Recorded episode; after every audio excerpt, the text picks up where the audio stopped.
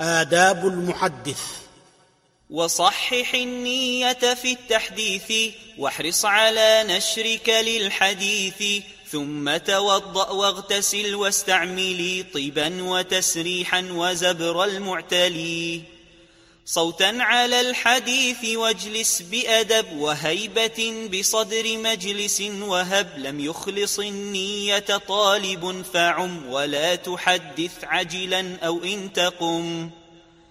أو في الطريق ثم حيث احتيج لك فروي وفي البدء ابن خلد سلك. بأنه يحسن للخمسين عما ولا بأس لأربعين. ورد والشيخ بغير البارع خصص لا كمالك والشافعي. وينبغي الإمساك إذ يخشى الهرم وبالثمانين ابن خلد جزم. فإن يكن ثابت عقل لم يبل كأنس ومالك ومن فعل. والبغوي والهجيمي وفئة كالطبري حدثوا بعد المئة. وينبغي إمساك لعم إن يخف وأن من سيل بجزء قد عرف. رجحان راو فيه دل فهو حق وترك تحديث بحضرة الأحق.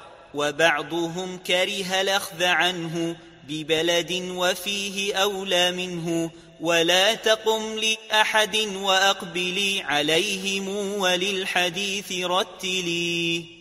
واحمد وصل مع سلام ودعاء في بدء مجلس وختمه معا.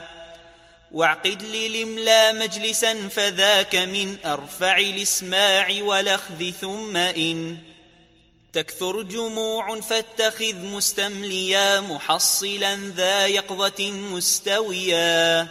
بعال أو فقائما يتبع ما يسمعه مبلغا أو مفهما واستحسنوا البدء بقارئ تلا وبعده استنصت ثم بسملا فالحمد فالصلاة ثم شرعا يقول من أو ما ذكرت ودعا له وصلى وترضى رافعا والشيخ ترجم الشيوخ ودعا وذكر معروف بشيء من لقب كغندر أو وصف نقص أو نسب.